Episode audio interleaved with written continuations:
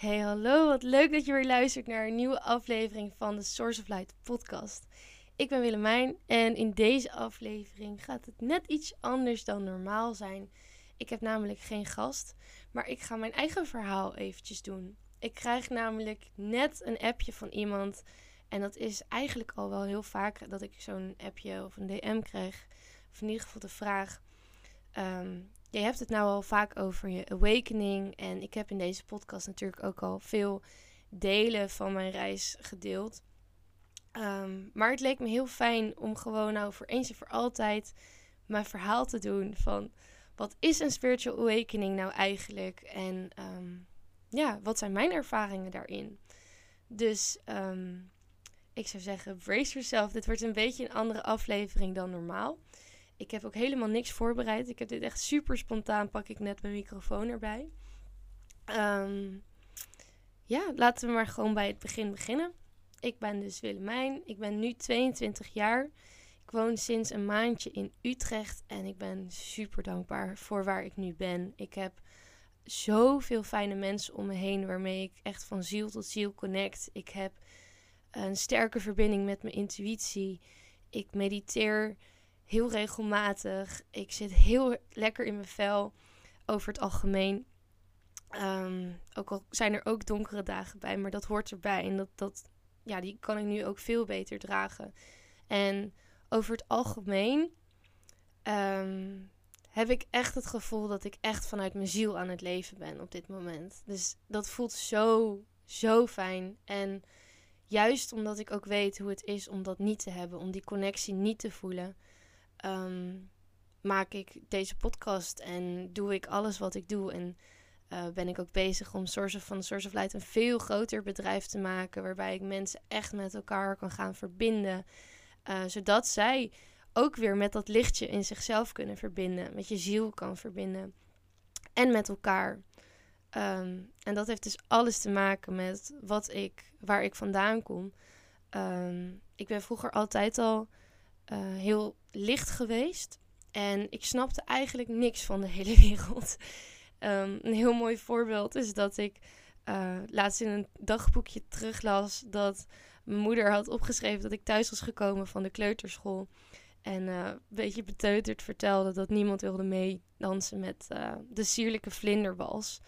Um, en dat ik toen maar had voorgesteld dat we cowboytje gingen spelen en dat wilden mensen wel voor mij is dat echt een heel tekenend voorbeeld. Omdat, ja, ik was altijd zo, zo gevoelig. En ik wilde alleen maar met elfjes en fijne kleurtjes. En um, ik vond de wereld zo hard en zo koud. En mensen waren zo ruw.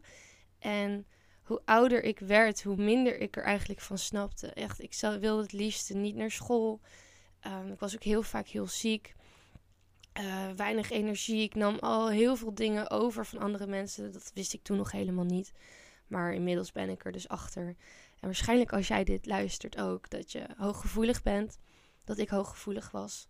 Dat betekent eigenlijk gewoon dat je ja, gevoeliger bent voor, op, op alle vlakken. Dus uh, dat je geluiden veel harder binnenkomen dat je energie van andere mensen kunt overnemen. Dus dat je als je met iemand bent die niet lekker in zijn vel zit, dat jij dat dan ook makkelijk aanvoelt. En dat je dat misschien wel zelfs mee naar huis neemt, ook al ben je niet meer bij die persoon in de buurt. Um, en ik dacht vroeger dat ik de enige was die zo was. Ik had tenminste nog geen mensen tegengekomen die ook zo waren. En um, inmiddels ben ik erachter dat we zijn zo niet alleen. En er zijn zoveel meer mensen zoals ik. En um, dat zijn namelijk allemaal mensen die ook voelen dat deze wereld, hoe die er nu uitziet, met al zijn systemen en donkerte en zwaarte en manipulatie en angst, dat dat niet de wereld is waar wij in willen leven. Dat dat niet de wereld is waar wij voor zijn gemaakt. En dat wij hier zijn gekomen om een nieuwe wereld te creëren. Een wereld die wij van binnen al voelen. Wat wij ja, ten diepste allemaal al in ons dragen.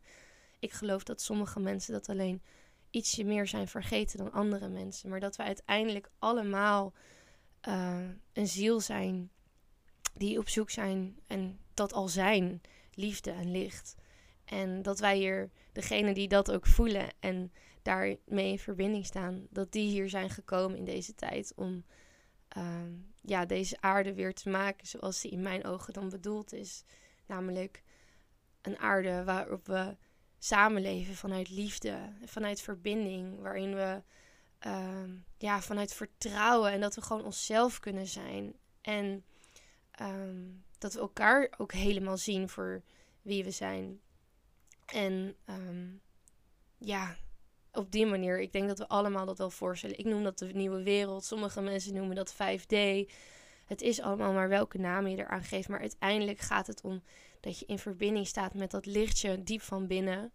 Ehm, en vanuit daar gaat leven. Vanuit daar gaat creëren. En dat wordt dan een aarde. Oh, ik heb er zoveel zin in. Ehm, ja, waarin we gewoon samenwerken met moeder aarde. Met elkaar. In verbinding, in liefde. Ehm, dat is hoe ik dat echt voor me zie. En dat is waar ik nu dus nu achter ben. Dat wij daarvoor zijn om dat neer te gaan zetten. Die nieuwe aarde. ja, maar hoe ben ik daar dan achter gekomen? Uh, dat, ik heb altijd al wel dat heel sterk gevoeld. En ik heb altijd al wel heel sterk um, ja, gevoeld dat ik niet in het systeem pas en dat ik daar ook niet bij wilde horen. Dat is mijn eigen persoonlijke proces geweest. Ik weet dat er heel veel mensen zijn um, die zijn dat misschien wat meer kwijtgeraakt, dat lichtje. En dat is ook helemaal oké. Okay. dat was dan voor jouw zielspad blijkbaar nodig om wat meer je aan te passen. Dat was misschien wel gewoon jouw overlevingsmechanisme. Uh, ik had gelukkig een moeder die heel spiritueel was, waar die mij helemaal waardeerde voor wie ik was. Uh, waardoor ik ook voelde alsof ik meer mezelf kon zijn. Maar ik kan me ook heel goed voorstellen dat je je meer in het systeem uh, daarnaar aanpast. Omdat dat gewoon de enige manier is voor jou om te overleven. Um, want dat willen we uiteindelijk allemaal. Dat, dat zit gewoon in onze, ons DNA, in ons reptiele brein, in onze geschiedenis. Um, we zijn ook zoogdieren. Je bent gewoon letterlijk tot je zeven of zo ben je afhankelijk van je ouders. Dus dan is het heel erg logisch dat je daar alles aan doet om te overleven, om je aan te passen. Dus om in een zekere zin te gaan leven vanuit angst. En dat moet wel om te overleven. Um, maar dat is dat overlevingsmechanisme wat wij allemaal in ons dragen. En waarmee heel veel mensen het systeem in zijn gegaan. Dus ja, vaak begint het natuurlijk bij school. En bij heel veel mensen gaat het dan verder tot aan de studie, tot aan de baan, tot aan weet ik het wat. Um, en wat is een spiritual awakening nou eigenlijk? Dat jij je beseft dat uiteindelijk al die overlevingsmechanismen, al die programmeringen, die overtuigingen, alles wat er over dat lichtje van jou heen is gegaan, dat kan je bijna zien als een soort van lampkappen die over een lichtje gaan. Ehm, dat je je op een gegeven moment weer herinnert wie je echt bent. Namelijk dat lichtje, die source of light.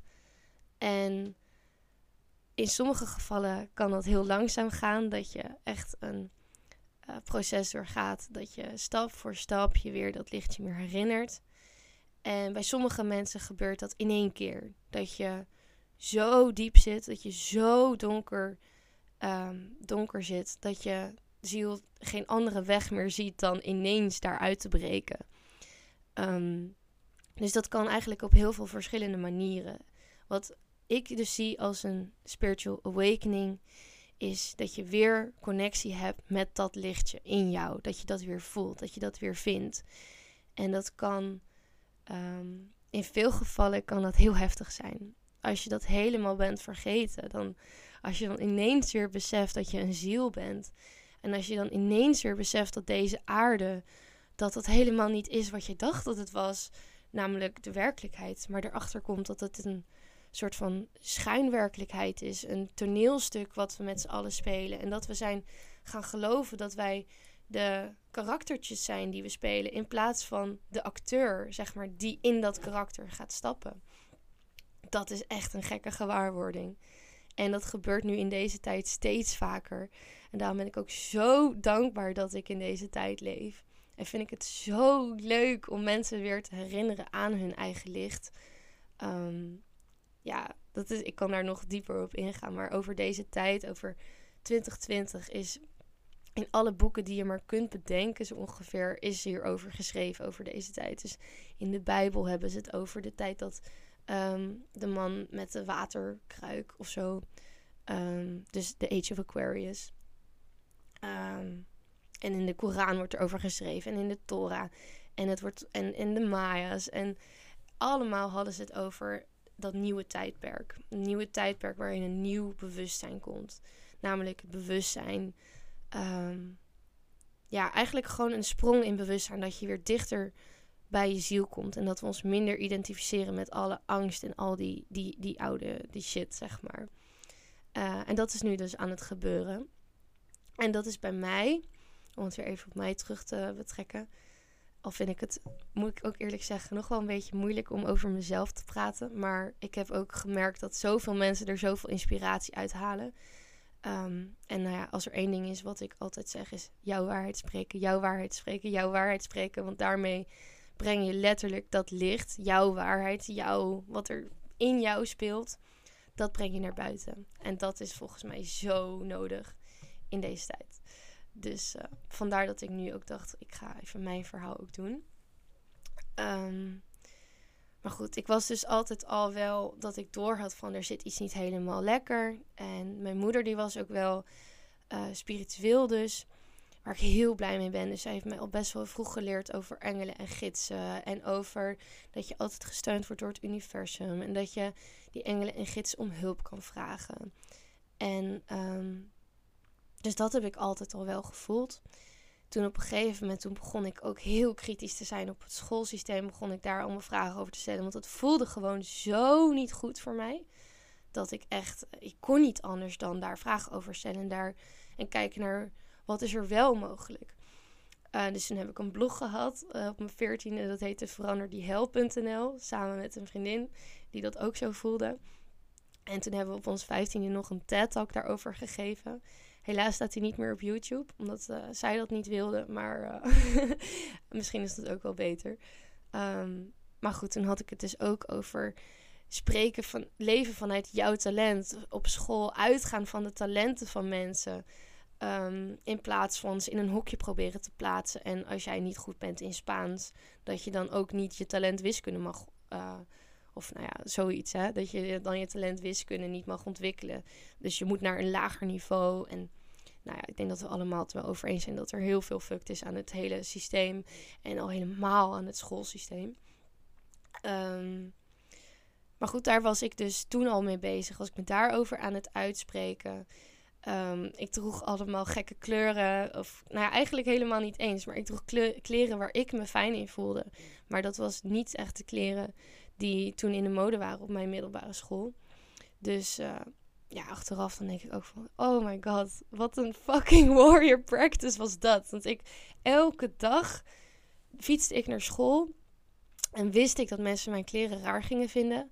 Maar ik kon het gewoon niet over mijn hart verkrijgen om me dan maar aan te passen. En om dan maar sneakers aan te doen die in de mode waren. En skinny jeans. En um, nee, ik, ik droeg wel ja, de kleurtjes die ik, die ik wilde dragen.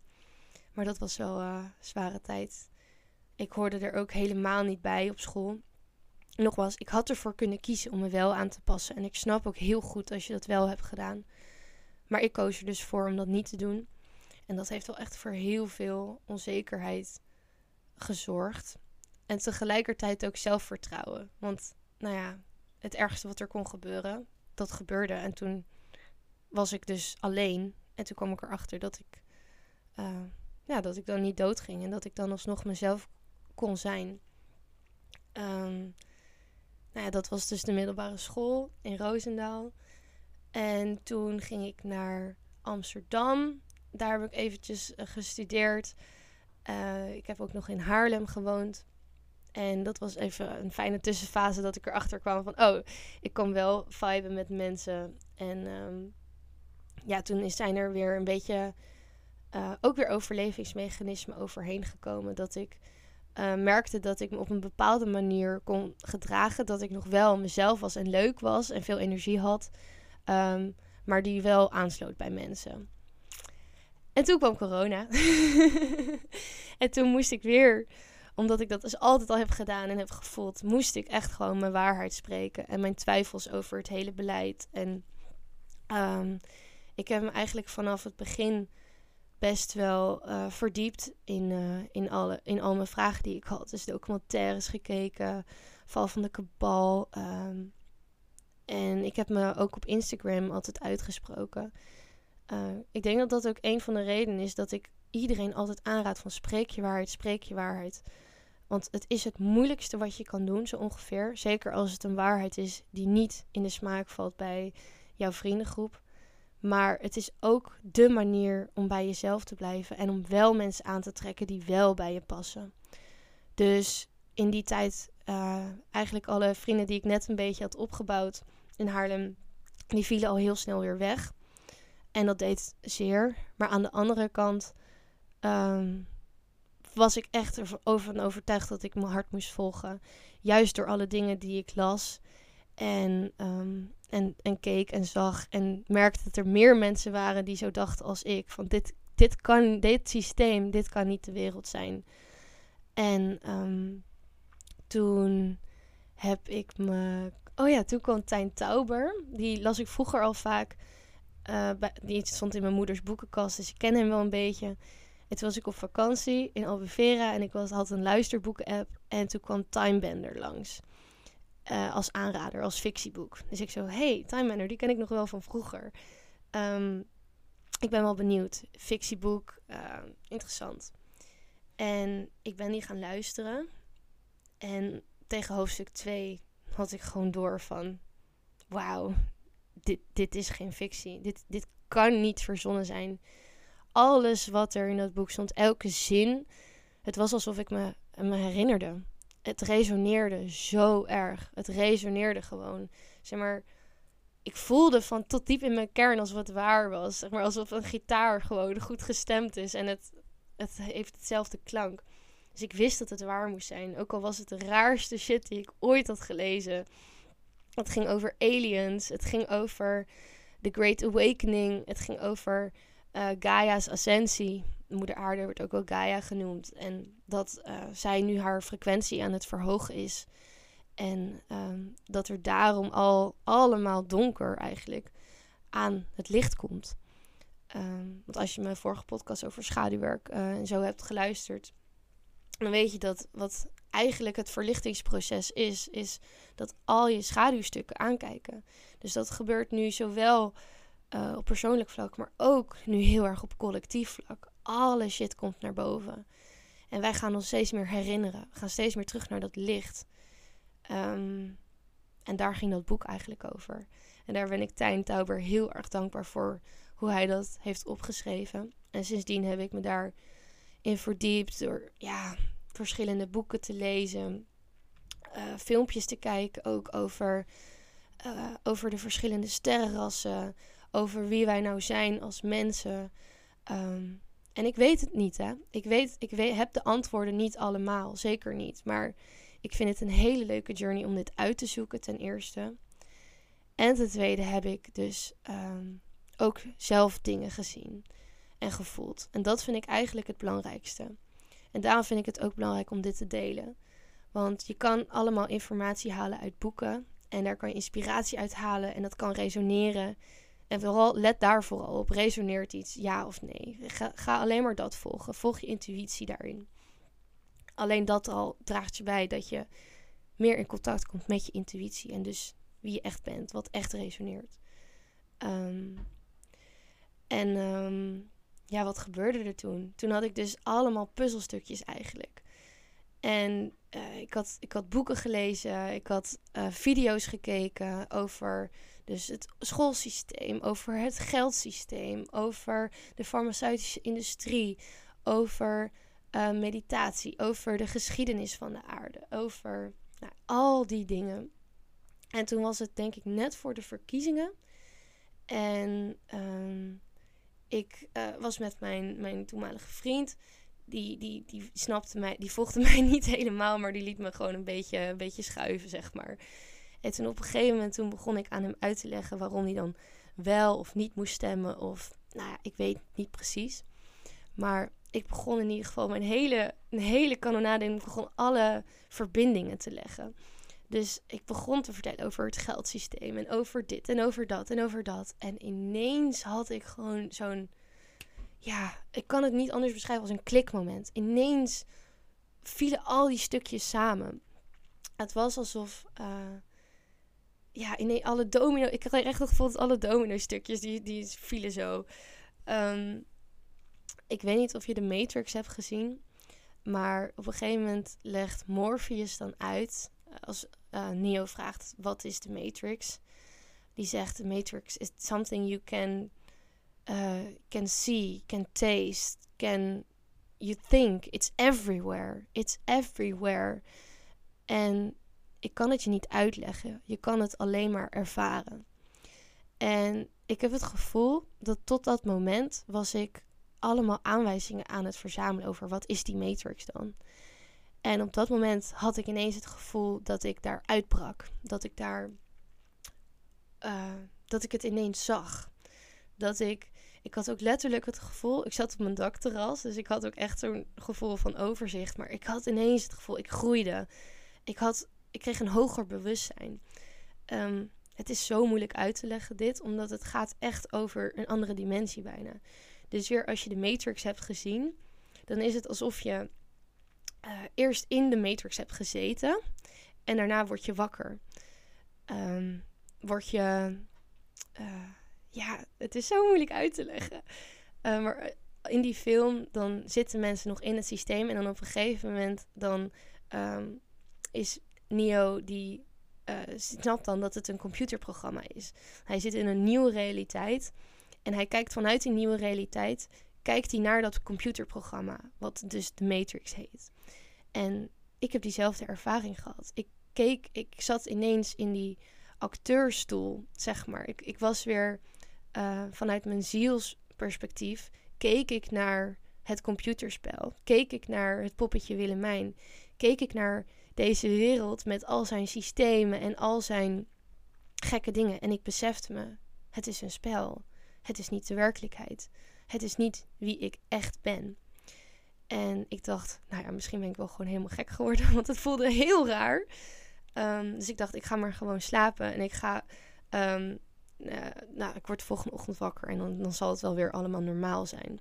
Dan zal ik me niet meer zo, zo zweverig raar voelen. En de volgende ochtend sta ik op en ik heb dat gevoel nog steeds. Want ik kijk naar de wereld en ik denk gewoon, het is gewoon een spel. En ik fiets naar mijn werk en ik ben op mijn werk. En op de een of andere manier, want daar geloof ik dus ook echt in. Zodra je op een bepaald bewustzijnslevel bent en je, staat, je bent er klaar voor, je staat er open voor, dan komen de dingen echt op je pad. Zo werkt de Law of Attraction. Dus eigenlijk is het ook helemaal geen verrassing dat mijn baas toen dat ik toen met mijn baas ineens een, een uh, heel gesprek had over de verkiezingen. En leven we nog wel in een democratie? En uh, het systeem. En steeds dieper, steeds dieper. En ik dacht echt van, hè? Hè? Weet hij dit ook allemaal? Ik dacht dat ik de enige was. Ik dacht echt dat ik gek was geworden. Um, en we konden het er gewoon vrij over hebben. En op een gegeven moment zei hij, maar als ik nou Anunnaki zeg, dan weet je niet waar ik het over heb. En ik was echt van, jawel, jawel. En um, als jij dat trouwens niet weet, helemaal niet erg. Uh, kan je onderzoek naar doen als je dat voelt. Als je dat niet voelt, ook goed. Maar voor mij was dat een soort van codewoord. Dat was voor mij de weirdste shit.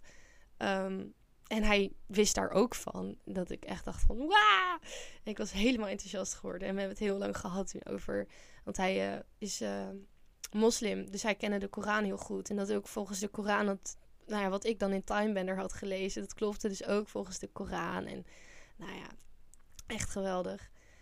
En ehm, daarna had ik afgesproken, toen ik terugkwam met, van werk, met een uh, goede vriend van me. En op de een of andere manier had ik met hem nooit de behoefte gehad om het echt te hebben over corona. Want met andere vrienden had ik dan vaak van ja, en dit is toch raar en dat is en dit klopt toch niet. Maar bij hem had ik elke keer als ik iets zei, dan, dan, dan geloofde hij me wel. En ja, eigenlijk had ik echt met hem altijd zoiets van... Ja, ik hoef het er gewoon niet over te hebben. We kunnen gewoon het gezellig hebben. We gingen dan vaak gingen we blowen en naar muziek luisteren. En gewoon viben. En dat was gewoon heel chill. Uh, maar verder dus nog nooit over diepe dingen echt met hem gehad. En ehm, ik kwam thuis en ik was zo enthousiast. Want ik dacht, ik moet dit gewoon delen. Ook al, ook al vindt hij me raar. Ook al, ik moet dit gewoon delen. Ik zat zo hoog in mijn energie. En ik was dus nog steeds ook in die gekke staat van alsof ik de game doorzag. Ehm, en ik, ik, ik dacht, ik moet het gewoon delen. Dus ik zeg zo van, en, en dit en dat. En hij wist gewoon wat Anunnaki was. En hij keek me aan en hij zo, nee, jij ook? En ik zo, wat, jij ook? What the fuck? En toen waren we allebei gewoon helemaal door het dolle heen. En om de een of andere reden, door dat enthousiasme gewoon, schoten wij omhoog.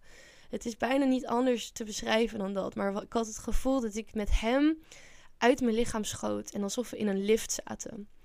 En op dat moment zaten wij gewoon echt, zagen wij hetzelfde. Dat konden we nog gewoon naar elkaar communiceren. Um, tegelijkertijd zat ik nog wel in mijn lichaam en was ik me bewust van mijn lichaam. Maar tegelijkertijd waren wij heel ergens anders. En zagen wij de aarde van een afstandje. En dat was zo bizar. Ehm, want ik had me nooit echt verdiept in dimensies. En ja, ik, ik had er wel een vaag idee bij. Maar ik zat gewoon in een andere dimensie, denk ik. Zeg maar, er zijn zoveel woorden die je eraan kan geven. Maar uiteindelijk is het een gevoel. Het is een ervaring. Het is alsof ik jullie nu probeer te vertellen over uh, Afrika. Zonder dat jij ooit in Afrika bent geweest. En zonder dat jij ooit echt warmte van de zon hebt gevoeld. Um, en, maar ik probeer het zo goed mogelijk, zeg maar, hoe het voelt om die warmte. En er waren neus, neushoorns en er waren dit en dat. Maar uiteindelijk, um, dat kan je helpen, dat kan je inspireren om dan naar Afrika te gaan, om het zo maar te zeggen. Maar uiteindelijk moet je zelf in Afrika zijn geweest, moet je zelf die geuren hebben geroken, die ervaring daar hebben gehad, de gevoelens die je daar hebt gehad. Echt die ervaring.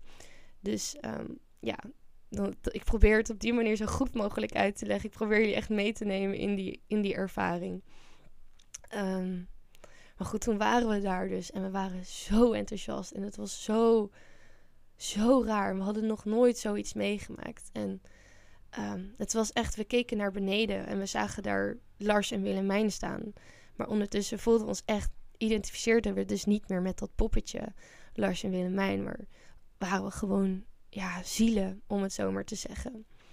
En ik heb toen zoveel dingen mogen zien. Ik, ik, waar ik mijn aandacht ook maar op richtte, ik wist het. Ik, ik, kon het. ik kon het allemaal zien. En een van de dingen die ik toen heb gezien was uh, dus de aarde van een afstandje. En over die aarde heen zag ik een, een soort van grid, een soort van gevangenis. En uh, Lars die zag het dus ook. En we waren allebei van, wat is dat nou? Wat is dat nou? En ja, het is logica, het is je klein houden, het is schaamte, het is angst, het is, het is de studie, het is werk, het is geld, het is het systeem. Dat, dat woord daarvoor, dat resoneerde het meest. Van, ja, het is het systeem. En we zagen het echt als een soort van bijna gevangenis die, daarover, die over de aarde heen lag. En het gekke is, of nou ja, eigenlijk is niks meer gek als je dit nou hebt meegemaakt. Ehm, dat ik later vaker mensen dit heb horen zeggen. Ehm, onder andere Christina von Draaien, die heeft het ook over dit grid, dit, deze soort van gevangenis bijna, dit systeem wat over de aarde ligt. Sommige mensen noemen dit dus de Matrix. Ehm, en ze noemt het dan gaten boren in de Matrix. Dus het voelt echt als je door dat, dat plafond, dat uh, ja, een soort van globe, een plafond, en het systeem, hoe je het ook allemaal maar wil noemen. Als je daar doorheen breekt, als een soort van lichtje. Dus jij herinnert je weer je essentie, jij herinnert je weer je contact met wie je echt bent, met je kern, met het contact met boven, noem ik het ook wel eens. Um, je kan het echt bijna zien alsof wij een gat in de matrix doen, in dat, in dat um, in dat ding het systeem hadden geboord. En daardoor weer in connectie stonden met alle andere dimensies. Uh, in plaats van dat je een soort van gevangen bijna zit in uh, alleen de aarde. En uh, als dit niet resoneert voor jou, is dat helemaal goed. Um, ja, nogmaals. Het is echt een, mijn persoonlijke ervaring. En ik vind het zo vet dat dat door zoveel verschillende kanten wordt dit elke keer wat ik heb gezien, wordt dit bevestigd, bevestigd, bevestigd, bevestigd op alle mogelijke manieren. Dus daardoor denk ik ook, want toen ik dit voor het eerst meemaakte, toen dacht ik echt van, ik ben gek geworden. En nu denk ik, ik van, nee hoor, ik ben niet gek geworden. Iedereen die, die uh, dit nog niet weet, die, uh, die komt er misschien nog wel achter. En anders niet, dan is dat ook goed. Maar ik heb in ieder geval helemaal vertrouwen hierin. Um, en nogmaals, pak wat resoneert. Um, maar toen zag ik dat en ik zag ook, ik dacht van, oké, wat gebeurt er dan met, wat zijn, wat zijn zielen? Of wat gebeurt er als je doodgaat? En toen zag ik echt uit zo'n lichaam, zag ik weer zo'n lichtje, soort van omhoog komen. Door dat gordijn van vergetelheid of die, die matrix. Ik moet er echt een goed woord voor vinden. Ik noem het voor nu wel eventjes uh, systeem dan. Door, die, door de barrière. De barrière, oké, ik noem het even de barrière. Um, die dan uit, door die barrière heen gingen en weer omhoog gingen en weer naar het licht gingen. En um, dat zag ik. En ik uh, kon boven me kijken.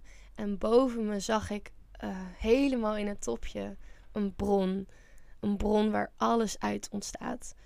Um, een bron, de, ja, de bron van bewustzijn. En ik had het gevoel dat alle um, ja, dat, dat, en dat vind ik weer leuk. Daarom vind ik ook de podcast van Matthias de Stefano of uh, anderen vind ik zo vet. Want die leggen dit ook uit weer aan de hand van wiskunde. Hoe er inderdaad één bron is waar alles uit ontstaat. En hoe vanuit daar uh, bewustzijn steeds meer versplintert. Maar goed, ik wist dat toen nog niet. Ik zag dat, ik zag dat toen letterlijk. Vanuit die bron staat versplintert het bewustzijn. En wat is een ziel ook weer? Dat is een stukje versplinterd bewustzijn. Dus jij hebt jouw eigen waarheid, jouw eigen stukje bron in jou, jouw eigen perspectief, jouw eigen waarheid, jouw eigen liefde, um, die uiteindelijk allemaal uh, datzelfde licht is vanuit die bron. Maar tegelijkertijd ben jij de enige die daar toegang tot heeft in jezelf. Um, dus daarom is het ook zo belangrijk in mijn ogen om je eigen waarheid te spreken, om vanuit jouw perspectief te spreken. Um, je kan het namelijk niet invullen voor een ander, want iedereen heeft zijn eigen stukje bron. En het enige wat jij zeker weet, is dat lichtje van binnen. Dat, dat wat resoneert. Um, daarom is het wat, dat ook, uh, waar we ook achter komen, volgens mij, dat is echt een toverwoord. Als je gewoon jouw waarheid spreekt en daarna zeg je volgens mij, of je geeft dan aan, dat is mijn perspectief. Niemand kan het ontkrachten. Dat is het sterkste wat je kunt doen. En tegelijkertijd zullen, omdat het jouw waarheid is, jouw licht, zal dat, hele grote kans, ook resoneren bij andere mensen. Omdat het namelijk datzelfde licht is. Um, Oh wauw, ik word er weer helemaal enthousiast van nu ik dit vertel. Terwijl het is al eigenlijk al best wel lang geleden. Maart vorig jaar was dit allemaal. Ik vind het echt, uh, echt heel erg tof. Um, maar goed, dit zie ik dus als mijn out-of-body experience. Mijn awakening. En ik weet niet, ik denk dat ik nu wel eventjes genoeg heb gepraat. Ik uh, ga hem heel graag delen. En dan ben ik eigenlijk vooral heel erg benieuwd naar jullie vragen. Um, dus ik ga hem ook delen via Instagram. Um, laat me vooral weten wat je vragen zijn, wat ik nog heb gezien. Misschien kan ik daar antwoord op geven, want ik heb zoveel gezien dat het heel moeilijk wordt om dat ook weer heel kort samen te vatten. Um, maar laat me weten uh, of dit resoneert, waar je benieuwd naar bent, waar je vragen zijn. En ja, dan, dan hou ik het voor nu eventjes bij mijn spiritual awakening slash out of body experience slash wat voor woorden je er ook maar allemaal aan wil geven. Um, ja, en dan ben ik heel benieuwd eigenlijk wat je ervan vond. Of je dit een leuke aflevering vond. Want het is natuurlijk wel heel anders dan, uh, dan dat ik met gasten afspreek. Um, maar ik ben heel benieuwd. Ik heb in ieder geval mijn eigen stukje waarheid nu, uh, nu gedeeld. En ik hoop dat het resoneert. En uh, ik heb heel veel zin uh, in de toekomst. Omdat, nou ja, wat ik al zeg, wat ik heb gezien. Oké, okay, laatst, laatste dingetje dan. Wat ik echt heel duidelijk heb gezien was een netwerk van licht. Dus steeds meer mensen die zich hun licht gaan herinneren. Die letterlijk hun frequentie verhogen. Want licht is niks anders dan een hogere frequentie. Um, Dus je stapt uit die donkerte, uit die angst en je verhoogt je frequentie. En je herinnert je weer je licht. En ehm, ja, dat, dat zag ik letterlijk gebeuren. En dat zie ik nu ook, nu ik weer zeg maar, in het spel zit, zie ik dat ook omheen gebeuren met alle mensen hier. Dat steeds meer mensen die, die weten weer wie ze zijn, die herinneren weer wie ze zijn. En door hun waarheid te spreken, door dat te delen, inspireer je weer andere mensen en raak je weer een ander lichtje aan. En zo is het echt één olievlek, gewoon één olievlek van licht. Die lichtjes steken, die lichtjes weer aan en die lichtjes steken, die lichtjes weer aan. En ehm, dat gaat natuurlijk exponentieel. Dus ja, als ik, als ik nog één ding mee mag spreken, alsjeblieft je waarheid. Je bent zo niet de enige. En je bent zo waardevol. Juist als je dit nu voelt, als je hiermee resoneert, jij bent zo van waarde in deze awakening. Ehm, want we zijn nog lang niet allemaal wakker, nog lang niet. Ehm, maar het worden er steeds meer. En jij bent dus een van de voorlopers. Dat is misschien ook wel leuk om te weten. Dus I'm so happy you're listening. I'm so happy to connect. En ehm, ja, ik, ik wens je een hele mooie dag. Heel veel positiviteit. En um, ja, don't dim that light of yours. Stap in je kracht. En uh, ja, hele fijne dag. En uh, laat me allemaal maar weten als je, als je er iets aan hebt gehad. Oké, tot de volgende keer.